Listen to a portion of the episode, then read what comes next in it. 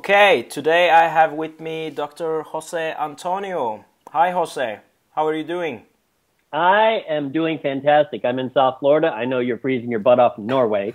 so I won't tell you how warm it is, uh, although for me it's a little cold, but I'm doing great and I'm looking forward to this fun little interview here. Great, great. And your definition of cold is like the summer here in Norway, just to tell you that. Uh, yes, that's true. I, I, I, am a wimp when it comes to cold. okay, first off, thank you so much for agreeing to do this interview on your recent high protein diet studies. Uh, before we start, could you give us a brief introduction about yourself, your background, and how you got involved in this industry? Yeah, absolutely. In fact, um, well, first of all, I got my uh, doctorate, my PhD at the University of Texas uh, Southwestern Medical Center in Dallas, Texas. And since that was in 1993, since 1993, I've actually worked both in the academic side and the industry side of the sports nutrition, and I'll call it business. Um, currently, I am faculty at Nova Southeastern University in Davie, Florida. That's in South Florida.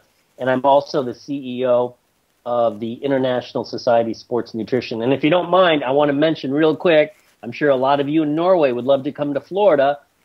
Uh, June 9th to 11th is our thir- 13th annual conference. It's in Clearwater Beach, Florida. It's on the beach. The beach. You guys will love it.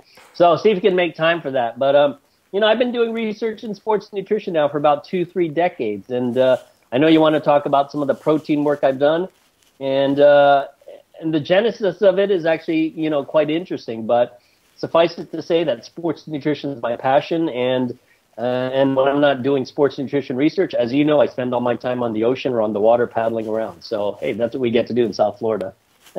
perfect, perfect. Okay, so so first question, you you mentioned you recently conducted several uh, studies on really high protein diets.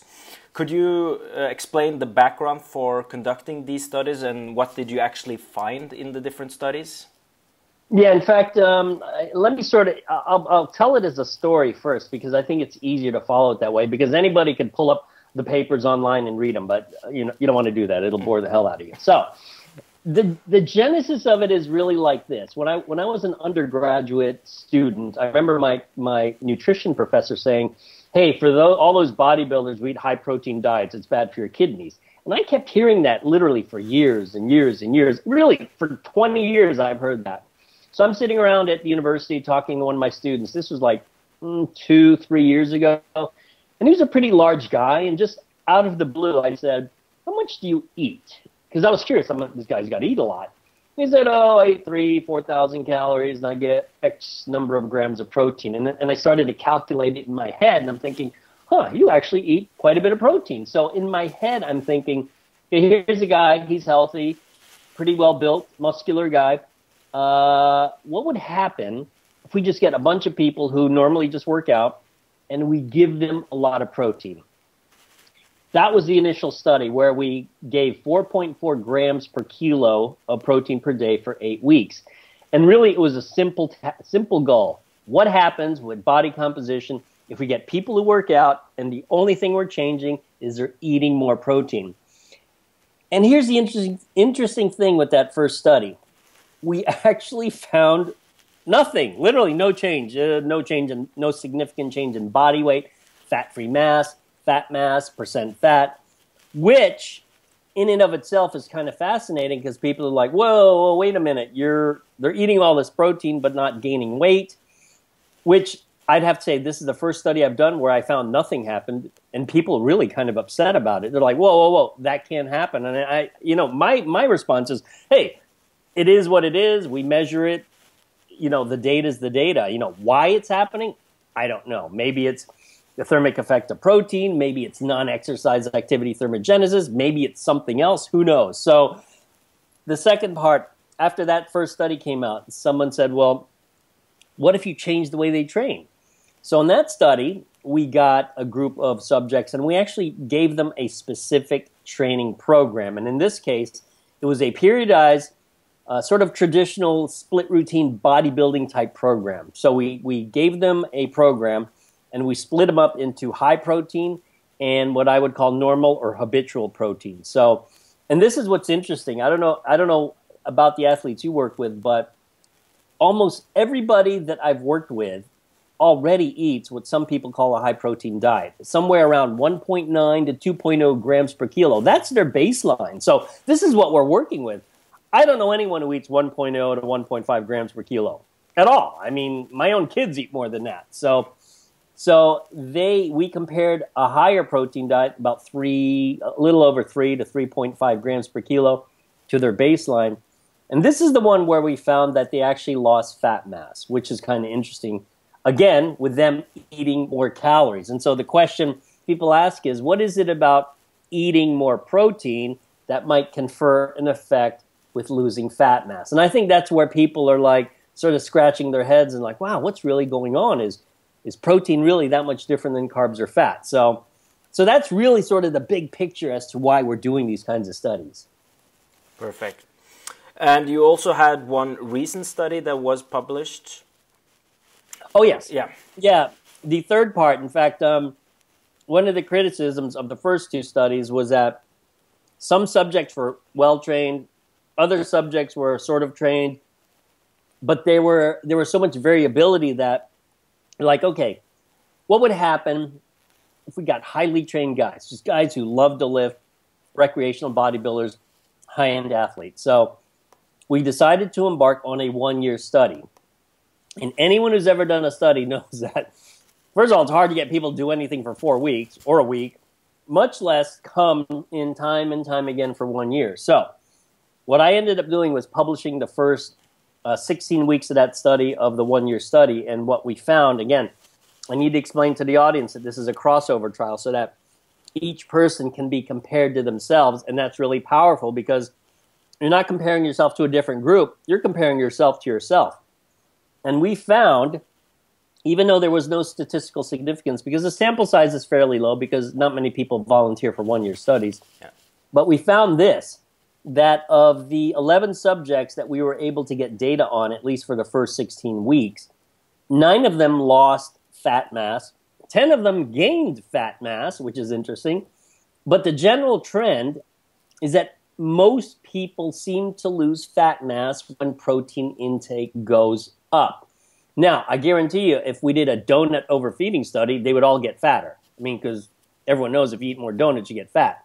So, what is it about eating, and, and, and the form of protein is primarily protein powder. So, what is it about eating extra protein in the form of protein powder that might confer a benefit with regards to improving body composition? That's really the question. Now, I will say this mechanistically, I mean, those are not those are not the kinds of questions we look for in our lab. I'm looking primarily for outcomes, like what happens if you do X, Y, Z. What happens? Uh, do you get ABC? Do you get DEF? So we're following these guys, and I think April, May is the one year period where we're going to have one year of data on these guys, and they're highly trained guys. And I would guess, based on what I've seen, that one, and this is very important, we are finding no side effects, as in zero side effects in terms of renal function, liver function. In fact, I, I was texting with one of our subjects, and he, you'll get this on his normal or low protein days, he consumes 400 grams a day. That's his normal. When he's on the high protein phase, he's well over 600 grams a day. I looked at his blood work and it is spotless. Nothing, I mean, his GFR, glomerular filtration rate, is fine. Everything is fine. Liver's fine. And it's, and it sort of begs the question it's like, it, it, or it tells you how adaptable the human body is to whatever you do to it. And of course, these guys they work out like crazy. They otherwise eat well. They don't really eat junk food. None of these guys are junk food eaters. They actually eat quite well. So, is there something different about protein that helps you improve body composition that goes beyond simple thermogenesis? You know, NEAT or excuse me, non-exercise activity thermogenesis or TEF, the thermic effect of feeding. Um, I mean, I don't know, but the studies are fun, and I love you know the data is kind of cool. Excellent. And just to just to mention it, these studies that you've done on the high protein diet, they are really really high protein. So what's normal? What's what definition do you, they have for high protein diets normally in the literature?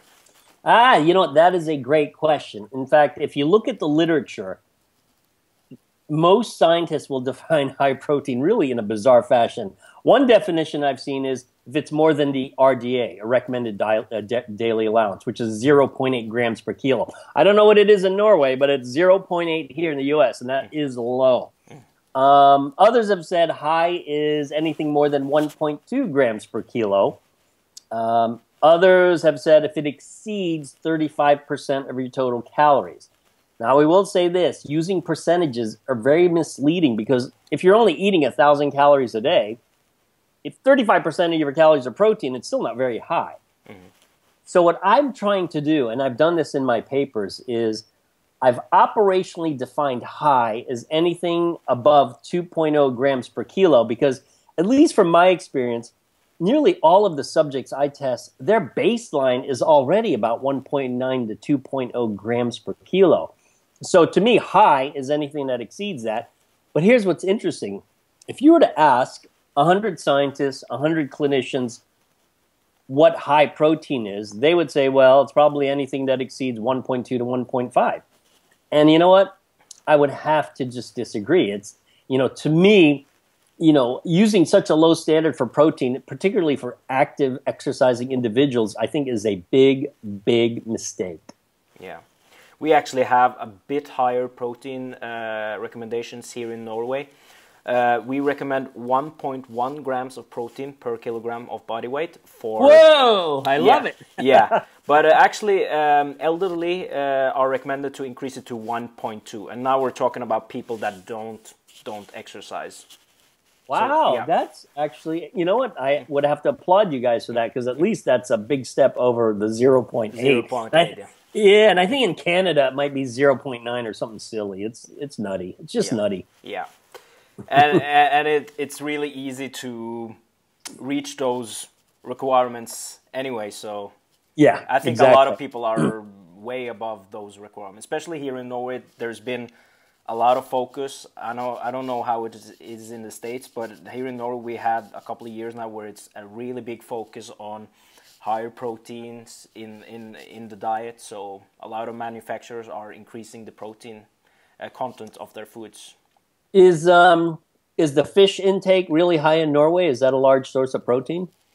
Um, actually, in Norway, uh, when we look at the data, what is the highest sources of protein is actually it's actually grains. We're mainly getting our protein really? from grains. Yeah, actually, grains. Yeah. Wow! Don't well, I would imagine Norway would have to import grains because you can't grow grains there, can you? It's kind of cold, right? No, no, we can grow grains. Oh, you can? yeah, yeah, yeah, we can. It's not cold uh, all the year, you know.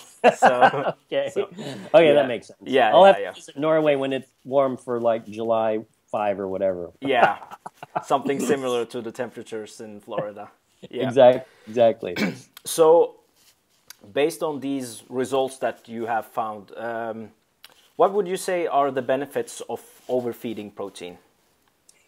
Well, I think, um, and again, I, I, will address this uh, primarily, well, only to those people who work out. Obviously, if you don't work out, it's a different conversation. Mm-hmm. But to me, one of the benefits of protein is is if you remove the bodybuilding aspect, is that it'll just help you recover. Um, I think one of the things, one of the uh, questions that needs to be asked is this: is there ever a benefit to underfeeding protein or not consuming protein? And the answer to that is, I don't think so. And in fact, um, you know, people argue about the, you know, consuming protein pre or post workout and whether or not this so-called anabolic window exists. And to me, that's actually the wrong question. The correct question is, is there ever, is there ever an advantage to not eating protein after you work out? The answer to that is no. So always consume protein after you work out. It'll help you recover and it's also it's a source of calories, vitamins, minerals. If you're consuming it as meat or as fish or as chicken or even protein powders, even protein powders are a lot of them are fortified with vitamins. Um, so I think just getting the nu- nutritive value of it is important, but also I think people need to change the way they view the three macronutrients: carbs, fat, protein. I tell my own kids because my kids are quite athletic that the two most important things they need to do, need to take care of in terms of their diet are protein, fat, protein, fat, protein, fat. In fact, I don't even mention the word carbohydrate. The reason I don't is this. I've never heard anyone tell me, you know, I'm having a hard time hitting my carb goal. I'm like, who the hell is that? I mean, hitting your carb goal is like, you know, is like seeing if the sun is shining. Well, it, it shines here. I'm not sure about Seattle, Washington. But uh, it's so easy to hit your carbohydrate goal. It's much more difficult for athletes to hit their protein and fat goals. So I think protein should be the default macronutrient when you're providing a diet to someone who's athletic. So, so to reiterate, I think that extra protein helps you recover. If you're interested in bodybuilding, it certainly could help there, although there might be an upper limit to how much you need in terms of bodybuilding. But on the flip side, it may help you lose body fat, which, you know, for a lot of athletes, that's important. Losing fat mass can help you, you know, become a better athlete. I mean, you know, even for me, you know, I do a lot of, I, I race down here, I do some stand up paddling. If I lost five pounds of fat mass, it could only translate into a faster athlete. So, uh, the question is, do I want to lose five pounds of fat mass? Probably not. I don't feel like it. Um, but yeah, it could definitely help. You know, eating more protein. Okay, great. Just a follow up question to that.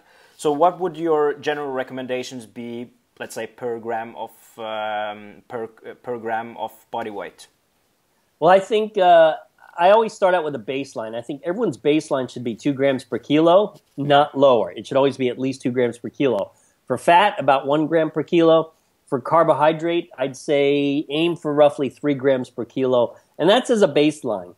Now, if you're a triathlete, I would say titrate everything higher. So eat more carbs, eat more fat, eat more protein. Mm-hmm. If you're dieting down, let's say your goal, and you know, I, I'm not a fan of this, but people who just want to, they just want to look pretty. You know, I'd say titrate down the carbs and up the protein. And you know, but you know, training for physique stuff I've always thought is kind of weird, and I'll tell you why.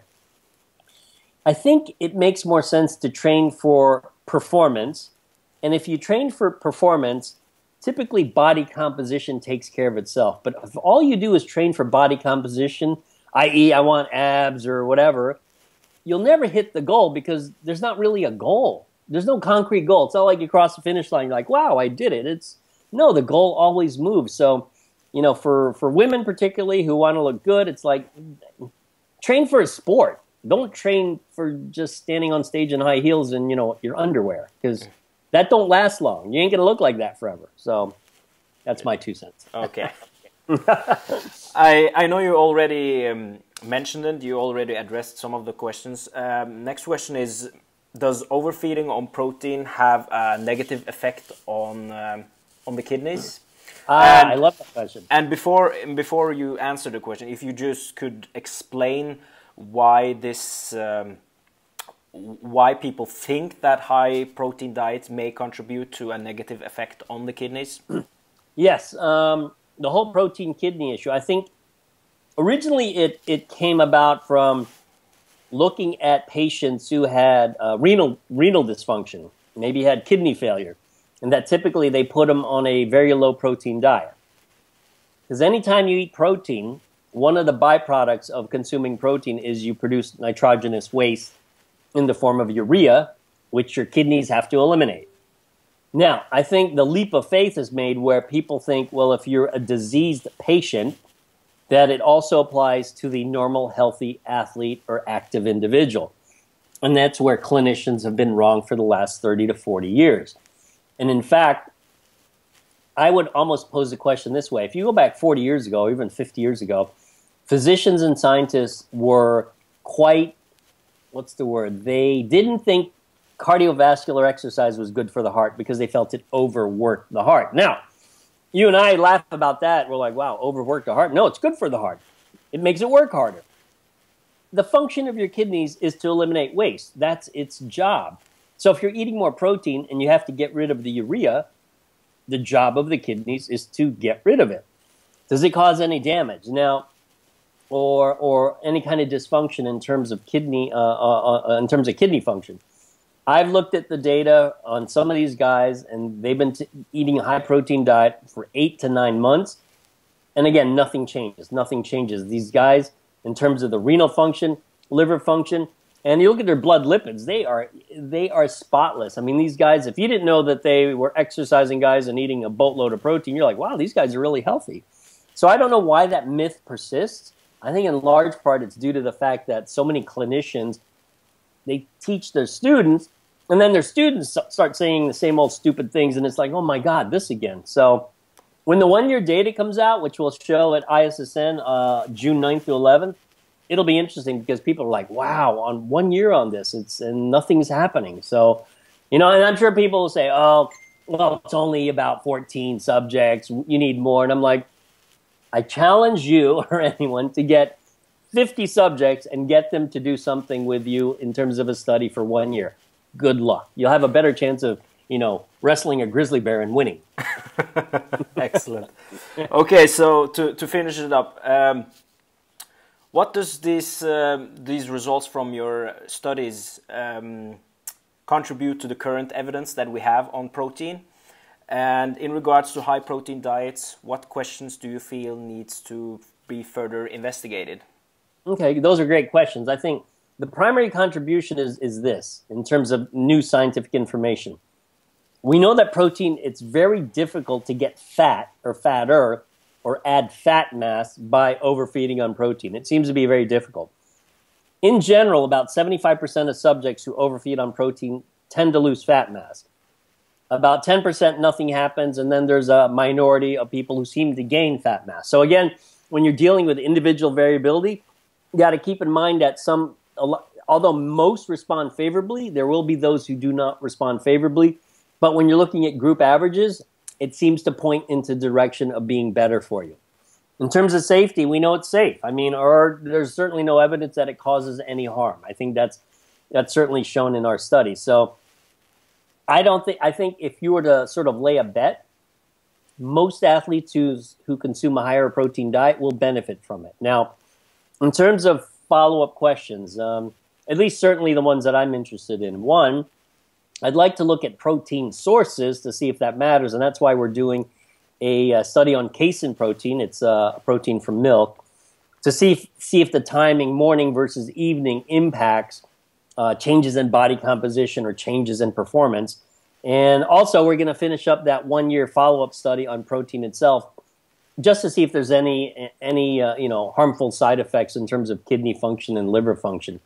But there's so many things I'd like to look at. I mean, I actually work with a few people who are vegetarian, and they always ask me, you know, what about hemp protein? What about pea protein? And there's so little data on on non-animal sources of protein that that would be another avenue to go to go and examine. You know, is there a difference between overfeeding on a plant source protein versus something like whey protein or casein? So, God, there's so many things. In fact, if there's anything you want to find out, let me know, and I'll get one of my students to do the project. Perfect. Perfect. really looking forward to the results from um, your um, studies that are, are, coming out, especially the, the one year study that you're yeah. talking about. Yeah. So thank you so much. This was really awesome to have this interview with you on your protein studies. Uh, I know you've written a couple of textbooks that are excellent. A lot of yeah. uh, a lot of colleagues of mine highly recommend them, and you also have some um, in-depth articles that you also write. Could you please just mention the, the books and where people can read the articles? Yes, in fact, um, well, if you want to see, uh, I'll first mention the journal for ISSN, the Journal of the International Society of Sports Nutrition. Our website is jissn.com. Also, I actually have a blog called the ISSN Scoop. If you go to the issnscoop.com, you'll see different blog articles. I mean, I write on occasion, and it's it's a nice little break from typical scientific writing because I can be kind of goofy, sarcastic, try to be funny and stuff like that. So that's the blog post that I have.